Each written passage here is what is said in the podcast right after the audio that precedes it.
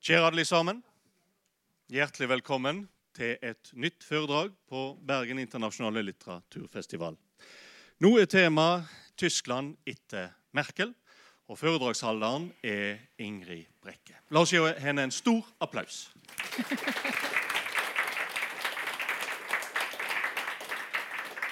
Ja, takk for det. Applaus for mitt blotte nærvær. God start. Eh, jeg sitter her i denne deilige sofaen for å ikke sitte på den eh, krakken der borte. Og så må dere bare snu litt på hodet. Men det er, ikke, det er, ikke, så veldig mange bilder, så det tenker jeg går helt fint. Ja, Tyskland etter Merkel. Eh, men som vi alle vet, det å snakke om hvordan fremtida blir, det er jo ikke så veldig spennende, kanskje. For det, der er alle kan gjette like bra, nesten. Så jeg tenkte at eh, jeg skal fortelle litt om Merkels regjeringstid. Og en del om hvordan den politiske tilstanden i Europas største og mektigste land er akkurat nå. Og så blir det kanskje et lite gløtt inn i krystallkula mot slutten. Og om et par år, når regjeringa har gått av og den nye eh, tiden etter Merkel har begynt, og jeg har tatt feil, så har dere sikkert eh, glemt det alle sammen, hva jeg sa. Angela Merkel hun har jo en helt spesiell bakgrunn. Oppvokst i DDR, altså Øst-Tyskland, i en autoritær stat. Og som dere kan se av bildet her, så skrev jeg en biografi om Merkel eh, som kom i 2016. Og I denne boka så handler det også en del om den første halvdelen av livet hennes. Eh, hvordan hun eh, gjorde en kometkarriere i eh, tysk eh, politikk i det nye gjenforente landet. Altså, hun kom som 35-åring. 35 eh, år gammel fysiker, vandrende over grensa fra Øst- til Vest-Berlin eh, uten å noen gang ha eh, levd et demokrati. Og etter et drøyt år så satt hun i Kohls eh, regjering. Eh, det, mer enn det skal jeg ikke si om, om Merkels liksom, personlige bakgrunn nå. Men jeg kan ikke holde et foredrag om Merkel uten å vise et nusselig barnebilde er i form av en valgplakat for partiet hennes, kristeligdemokratiske CDO. Dette er altså Angela Dorothea Kassner, tre år, 1957. Og slagordet det betyr 'For et Tyskland der alle kan bli hva de vil'. I etterkrigstidas Tyskland så har tre kanslere, alle kristeligdemokrater, sittet så lenge at man kan kalle tida deres en epoke eller en æra. Det er altså Konrad eh, Adenauer, den store etterkrigskansleren. Merkel gikk forbi han med, eh, da hun hadde sittet i 14 år, rett før jul. Og så er det Helmut Kohl, som satt i 16 år. Det vi da kan kalle Angela Merkels epoke, det begynte i 2005. Da hadde hun vært allerede partileder i fem år. Og hun ble valgt til kansler etter eh, sosialdemokraten Gerhard Schrøder og hans rød-grønne regjering. Schrøder ble veldig upopulær pga. Eh, sosiale reformer. Eh, gjennomført i håp om å få rydda opp i Tysklands store problemer. En enormt høy arbeidsledighet og en skranglete økonomi. Eh, så dette programmet det heter Agenda 2010. Eh, fordi han ble så upopulær. Han skrev ut nyvalg, og han tapte. Merkel fikk en ganske trå start. Hun var den yngste, den første fra DDR, og den første kvinna til å bli kansler. Og hun ble betrakta som en slags overgangsfigur. Eh, og hun var ikke spesielt eh, populær. Men stemninga skifta eh, etter hvert, og her skal vi se en liten forklaring på det. Eh, akkurat da Merkel kom til makta, det er altså eh, toppen på Om jeg klarer dette der. Toppen på arbeidsledighetskurva. Fra hun kom til makta, så gikk den bare ned. Og den, denne grafen sluttet for et par år siden, men den har bare fortsatt å gå ned eller være der nede. Eh, så her ligger jo eh, en del av nøkkelen. Eh, hun har hatt konjunkturene på sin side. Den tyske økonomien kom seg på beina, og folk fikk det bedre.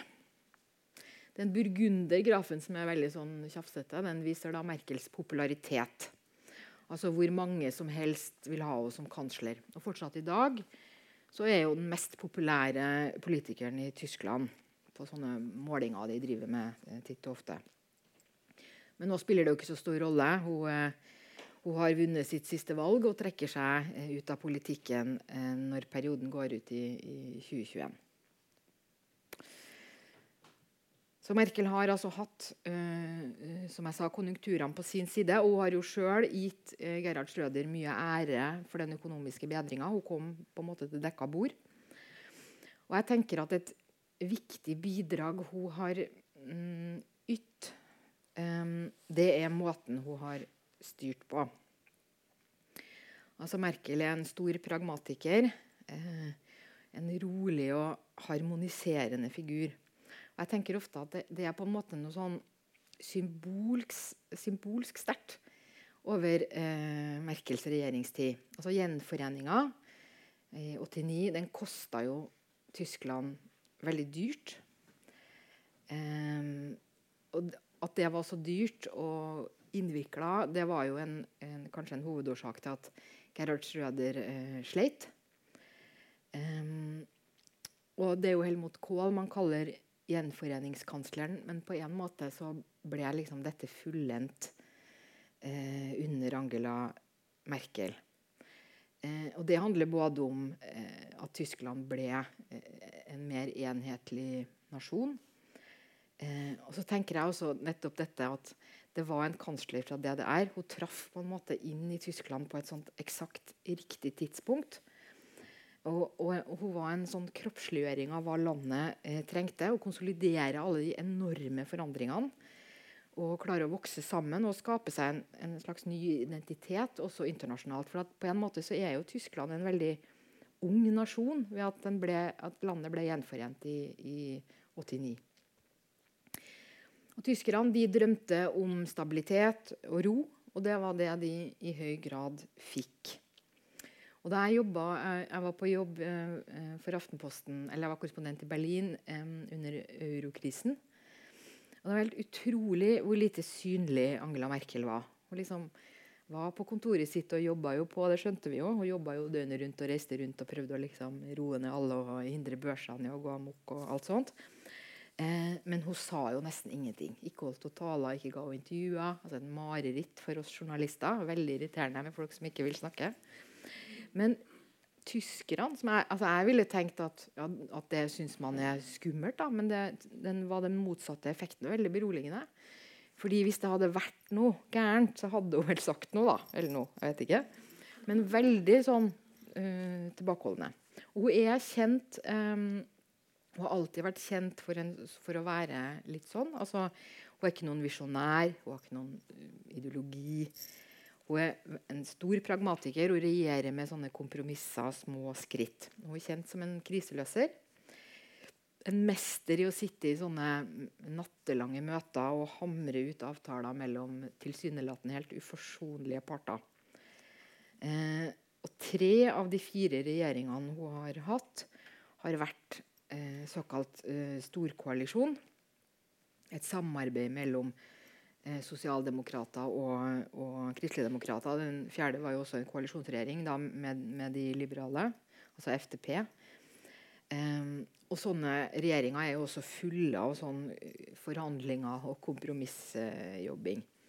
Og det er en regjeringsform eh, altså Disse storkoalisjonene har nok på en måte gitt eh, tyskerne Eller bidratt til en sånn type følelse av trygghet og stabilitet. Det er veldig sentrumsorientert med, stort, med store flertall i, i, ryggen.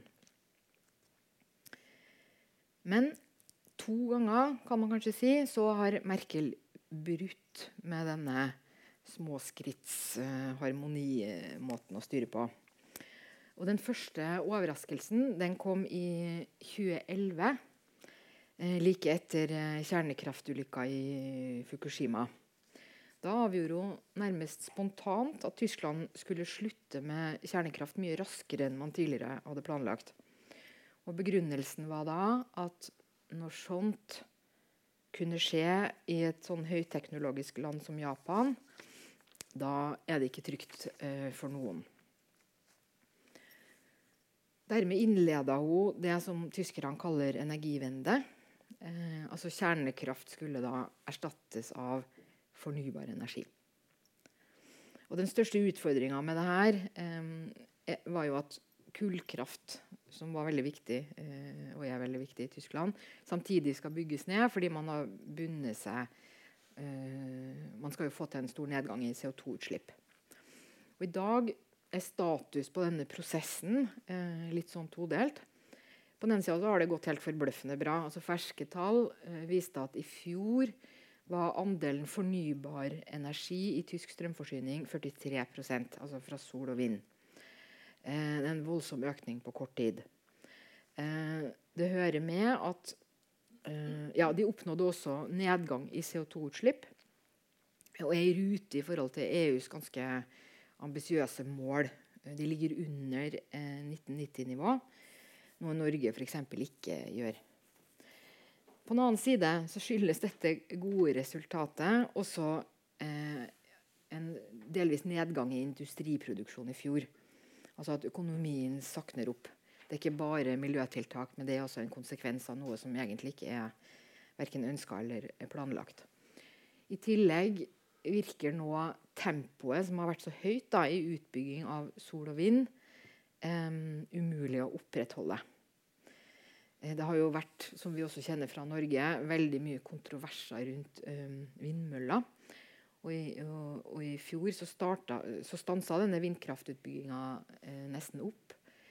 Eh, Pga. naboklager, eh, logistikkproblemer, byråkrati. Alle, disse, alle klager må jo behandles. ikke sant? Dette tar mye tid. Um, og siden da kjernekraft er ute og skal ned, så er det kull som er alternativet. Og da kommer jo nedgangen i CO2 til å bli vanskeligere å få til. Og Energisikkerhet er også et veldig stort spørsmål. Sol og vind er ustabile variabler. Man må ha noe sånn eh, alltid backup klart. Og hvis ikke det skal være tysk kull, hva da? Skal man liksom kjøpe kjernekraft fra Frankrike da, eller? Så disse spørsmålene er, henger der. Og det er en sånn eh, uav, uavklart videreutvikling. Eh, Sjøl om målene er der, men ingen ser helt eh, veien, og mye debatt rundt dette.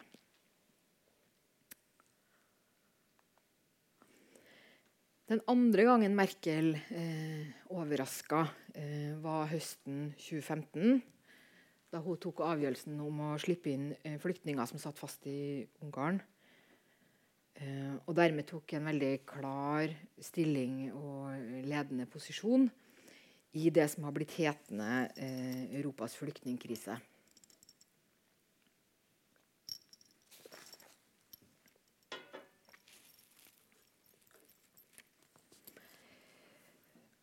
Konsekvensene av denne krisen har jo vært massive for hele Europa. Ikke, ikke, egentlig fordi det kom så mange og det var så vanskelig å håndtere, men fordi at alle land har forandra innenrikspolitikken sin. Og også øst-vest-kløfta, både i Tyskland og Europa, økte igjen som en konsekvens av dette. Om Merkel håndterte denne situasjonen riktig, det er jo fortsatt et stort debattema i Tyskland. Ikke minst innad i hennes eget parti. Og De to hovedsynspunktene de lyder omtrent sånn. Merkel åpna grensa fordi det var nødvendig for å unngå en verre krise, f.eks. en voldseksplosjon og en mulig borgerkrig på Balkan. Kanskje burde hun forankra det bedre, i, særlig da i, i, resten av EU. Eh, men det var nødvendig, og dessuten er det den type Europa vi vil være. Det er sånn det er å være europeer. Det er en, et, også et moralsk spørsmål. Det andre synspunktet det er omtrent sånn Ved å i praksis miste kontrollen over egne grenser og hvem som kom inn i landet, så skapte Merkel en voldsom usikkerhet i befolkninga. Og hun la dessuten med det også grunnlag for alt alternativ for Tyskland. AFD, altså dette høyrepopulistiske partiet som var grunnlagt i 2013 og fantes, men som fikk en enorm vekst uh, eh, pga. dette. Så hun la grunnlaget for at de kunne bli et såpass stort og livskraftig parti. Ergo måten hun håndterte dette på, var en gigantisk tabbe.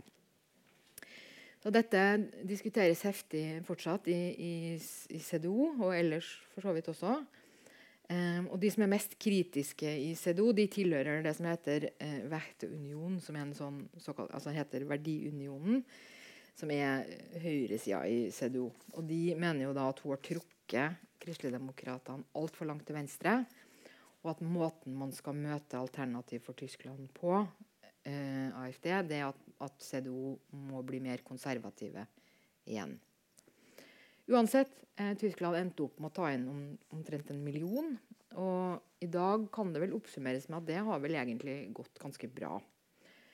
Eh, nylig kom det tall som viser at eh, av de flyktningene og migrantene som kom til Tyskland i årene 2013 til 2016, eh, fem år etter at de kom, er eh, halvparten i arbeid. Og dette er bedre resultater enn man hadde med de flyktningene som kom eh, etter, altså pga. krigen i tidligere Jugoslavia.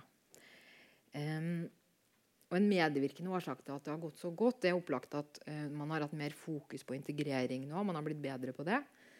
Men også at Tyskland er veldig klar over sin demografiske tilstand. Befolkninga går ned, de eldre blir flere. Eh, det blir flere pensjonister, og fordi arbeidsløsheten er så lav, har man også sterkt behov for uh, arbeidskraft. I fjor unngikk jo Tyskland så vidt en, også en resesjon, en tilbakegang i økonomien.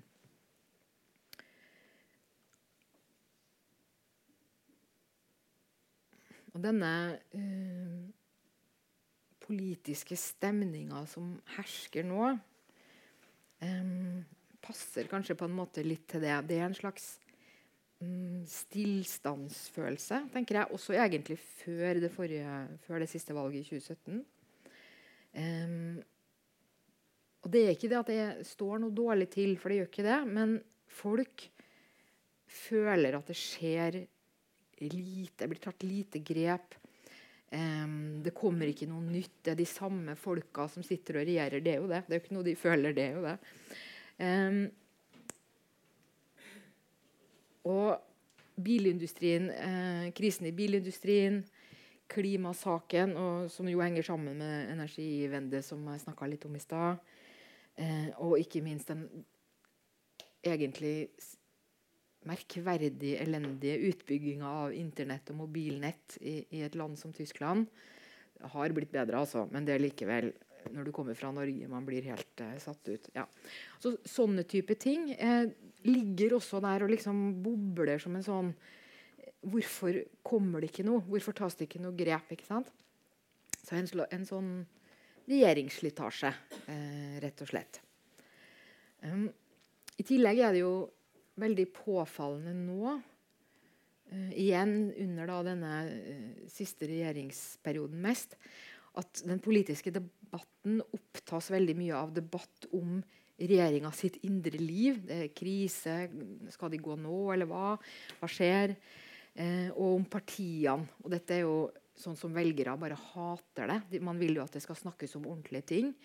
Eh, ikke om sånn eh, hvem liker hvem, og hvorfor har det blitt sånn, og hva sa de nå egentlig? og hvorfor, ja. Um, men tysk politikk har blitt veldig opptatt av seg selv. Og det skyldes jo selvfølgelig at disse regjeringspartiene eh, gjør det veldig dårlig i, i valg eh, på meningsmålinger. Igjen enorm regjeringsslitasje. Og velgerne reagerer da med å gå andre steder. Og det skal vi se litt på nå. Vi skal bli litt mer sånn tekniske. Um, hvordan står det til med partiene akkurat nå? Og så håper jeg Eh, til slutten så skal vi se litt på noe som skjedde akkurat denne uka. Og så håper jeg også at det blir eh, tid til et par spørsmål. Men først, altså. Dette er valgresultatet fra 2005, da Angela Merkel kom til makta. Dere trenger ikke å liksom, se på alle Det er ikke så lett å lese alle disse partigrafene når man ikke er vant til det. Men her er egentlig hovedpoenget. Kristeligdemokratene og Sosialdemokratene var to omtrent like store partier. Og man hadde fem partier i forbundsdagen. Eh, de lå begge på 35% mener jeg, omtrent. Um,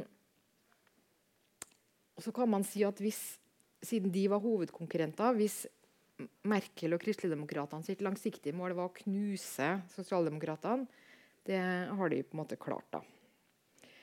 Gjennom metoden, i hvert fall delvis, å trekke partiet lenger mot venstre. Altså konkurrere om de samme velgerne.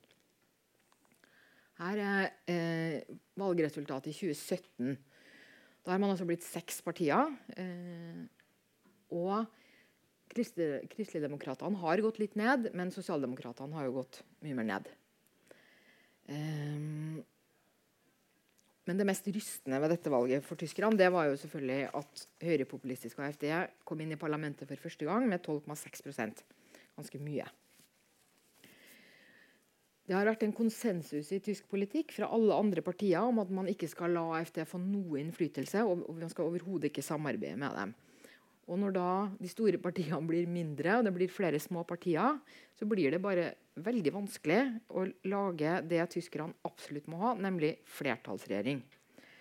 Eh, så de har på en måte havna nå i sånne situasjoner, særlig i noen delstater, hvor det nesten ikke går an å lage regjering. Og da kommer vi til det som skjedde denne uka. Dette er en sånn, Det er ikke helt Nancy Pelosi river opp talen til Donald Trump, men nesten, vil jeg si. Dette er da partilederen i De Linke som går uh, ut av bildet der. Og hun har da kasta en blomsterbukett som hun skulle gi til en nyvalgt statsminister i delstaten Tyringen. Som, kommer, som da skulle kommet fra hennes eget parti. Uh, så ble ikke han valgt, men dette er da FTPs, altså De liberales mann, ble valgt. Og hun kasta den buketten som en sånn voldsom eh, demonstrasjon.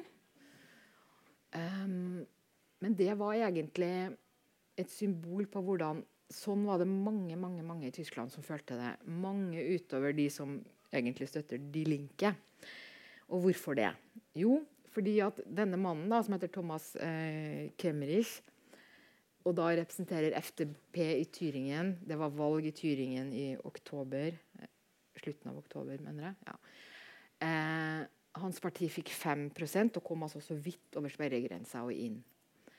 Eh, og Der har den politiske situasjonen vært sånn at man ikke har klart å lage noe regjering, men man har nå kommet så langt at man likevel måtte ta sånne prøvevalg i parlamentet og se hva man får til. Så stiller han som eh, det, det de kaller mm, sentrumskandidat. da. Og så blir han valgt med stemmene til CDO og AFD. Med andre ord, for første gang har da AFD fått innflytelse over hvem som skal styre i en tysk delstat. Og det, dette var på onsdag, og det ble altså ramaskrik. Dette var, det har vært full baluba, og for oss som er veldig glad i tysk politikk, så har det vært fantastisk. Ja, det må bare si det som det er. Man sitter sånn og bare Hva skjer nå? Og det er veldig vanskelig å forstå. Ingen vet helt hva ting betyr. Ja, det har vært kjempedrama. Um, og det er et tegn da, på hvor stort dette dramaet er, og hvor voldsomt dette oppfattes. Det er jo at Angela Merkel, som da når dette skjedde, satt, satt på flyet på vei til Sør-Afrika, hvor hun nå reiser rundt eh, Når hun holdt en liten pressekonferanse etter hun hadde landa, så kalte hun dette for utilgivelig. Altså det at eh, CDO og FTP hadde eh, gjort dette. Eh, og når man sier gjort, så er det litt sånn uklart for hvor mye som var avtalt her, og hvor mye som bare ble sånn. Det er også litt sånn i det blå. Men det at han da ikke da han faktisk aksepterte valget og sa jeg kan bli statsminister, prøve å lage en regjering og sånn Dette er utilgivelig. Valget må gjøres om, sa Merkel. Eh, og i, hjemme i Berlin så trua jo da også sosialdemokratene med at de kan jo ikke sitte i regjering med noen som lar AFD få innflytelse. Eh, nå ble det Allerede etter et døgn så sa jo Kemmerich at han kom til å trekke seg. altså Presset var helt, også fra hans eget parti eh, nasjonalt og fra CDO nasjonalt. Dette har på en måte vært litt sånn lokalt parti mot nasjonalt også. Eh, så ga de etter for presset. Etter et døgn sa han jeg kommer til å trekke meg. Og nå rett før jeg gikk inn hit, så kom meldinga. Nå har han trukket seg. da. Eh, og dette er, det er veldig komplisert. Eh, jeg skal ikke gå mer inn i det jeg har gjort nå. Men jeg tenker at det viktigste poenget her det er å vise at kampen mot eh, dette partiet, Alternativ for Tyskland, eh, og høyreekstreme. Altså, her i Tyringen så er det nesten det samme. Det hører også med til historien at AFD er jo et, eh, som alle tyske politiske partier, litt sånn mangfoldig parti med litt variasjon. I Tyringen er det de aller mest ekstreme. De er leda av en som heter Bjørn Høkke. Eh, det, heter, det kalles for Vingen, den delen av partiet. og Den er så ekstrem at eh, da tysk etterretning kom med sin klassifisering av antall høyreekstreme, venstreekstreme islamister og sånn, og den siste varianten, så var antall høyreekstreme vokst voldsomt. Og det var fordi at dis, disse nå kategoriseres som høyreekstreme av etterretninga. Altså de, de, er ansett som farlige. Så dette er ikke noe, dette er ikke noe Frp. Dette er liksom helt hinsides det. bare sånn at det så denne kampen kommer, de til, det kommer til å prege uh, tysk politikk sterkt uh, også fremover. Her har vi en helt ny meningsmåling. Og det er for å få dette litt mer sånn i balanse. For det jeg har om nå handler om én liten delstat med to millioner innbyggere. Nasjonalt står det helt annerledes til. Der er AFD eh, de ligger på 14% altså De har vokst bitte litt siden valget, ikke mye. Men hvem har vokst? Jo, De Grønne. Eh, der er det, nå de nå nest største parti. Eh, men i fjor var de flere måneder det største partiet på meningsmålingene. Eh, sånn at det at folk er lei av denne storkoalisjonsregjeringa, det har mest fått folk til å gå til De Grønne. som er et, I Tyskland er De Grønne et uh, sentrumsparti som, som, nok kan samarbeide i begge uh, retninger, og for så vidt har gjort det. Derfor er det jo mange som tror at den neste regjeringa uh, i Tyskland blir en såkalt svart-grønn regjering, altså samarbeid kristeligdemokrater og De Grønne. Og Da kommer vi til krystallkuleøyeblikk. Da sier jeg det. Jeg tror at det blir en uh, koalisjon mellom Kristeligdemokratene og De Grønne. Men jeg tror ikke De Grønne blir størst. Jeg tror det blir sånn omtrent som dette. Og da betyr det at neste kansleren også er en kristeligdemokrat. Altså ikke en, ikke en grønn. Eh, og hvem kan det bli? I midten der så står uh, Anne Greth Kramp Karrenbauer, uh, kalt AKK av uh, forståelige grunner.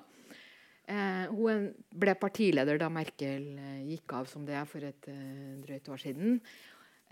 og mange har jo tenkt at hun blir da også den neste kansleren. Jeg tror ikke det. Hun har gjort mange feil. Veldig lite populær i partiet. også ikke så populær ute blant folk. Og av en eller annen merkelig grunn har hun da tatt på seg forsvarsministerposten, som er noe av det verste du kan gjøre i, i tysk politikk. Eh, hvis jeg måtte vedde, så vil jeg tro kanskje Armin Laschet, som står der helt ute. Han er da nå statsminister i man kan si Tyringens motsetning. Den folkerikeste delstaten med 18 millioner. Eh, Nordrhein-Vestfalen. Eh, og han er en litt sånn som alle liker å komme litt inn fra sidelinja. og sånn. Så han tenker jeg Kanskje blir det han. Så det var spådom nummer to. Eh, men det er lenge til. Eh, vi får nok høre enda en nyttårstale av Angela Merkel. Her er de, de som har vært til nå.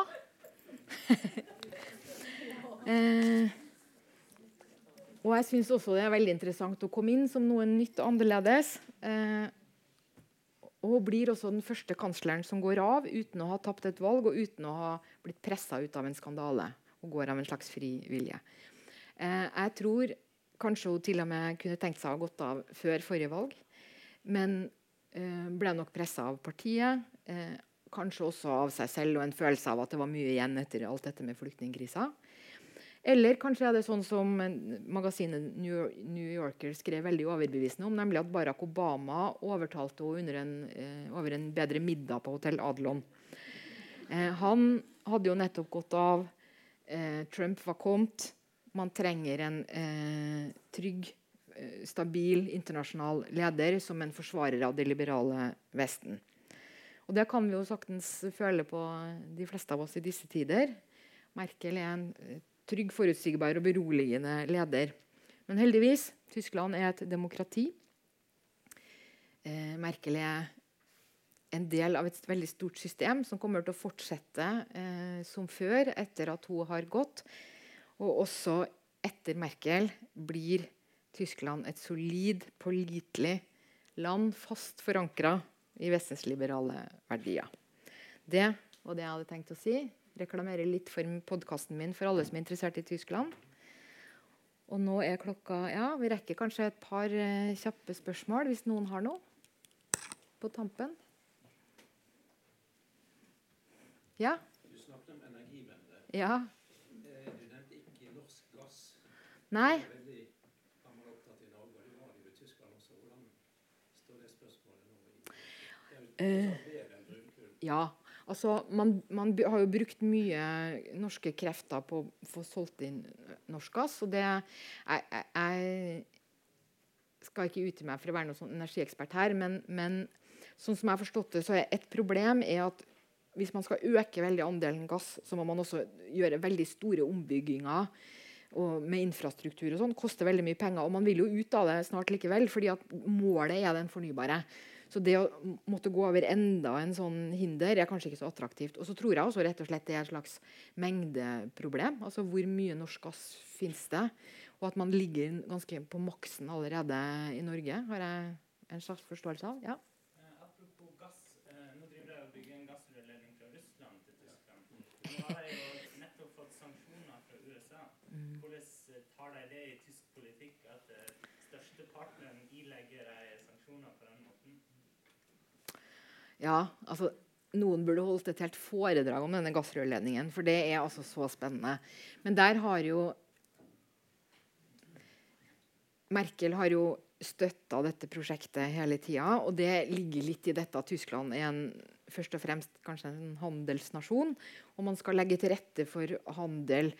Og man ser det som litt sånn heva over politikken, eller som å holde kanaler åpne uavhengig av og sånn. Og så har hun på en måte blitt pressa da, av, av Polen og Ukraina og, og andre i EU til å på en måte innrømme at dette faktisk er ganske politisk og ikke så enkelt. Men så har, har det jo likevel fortsatt å si at men prosessen har kommet så langt at man ikke kan gjøre noe med det.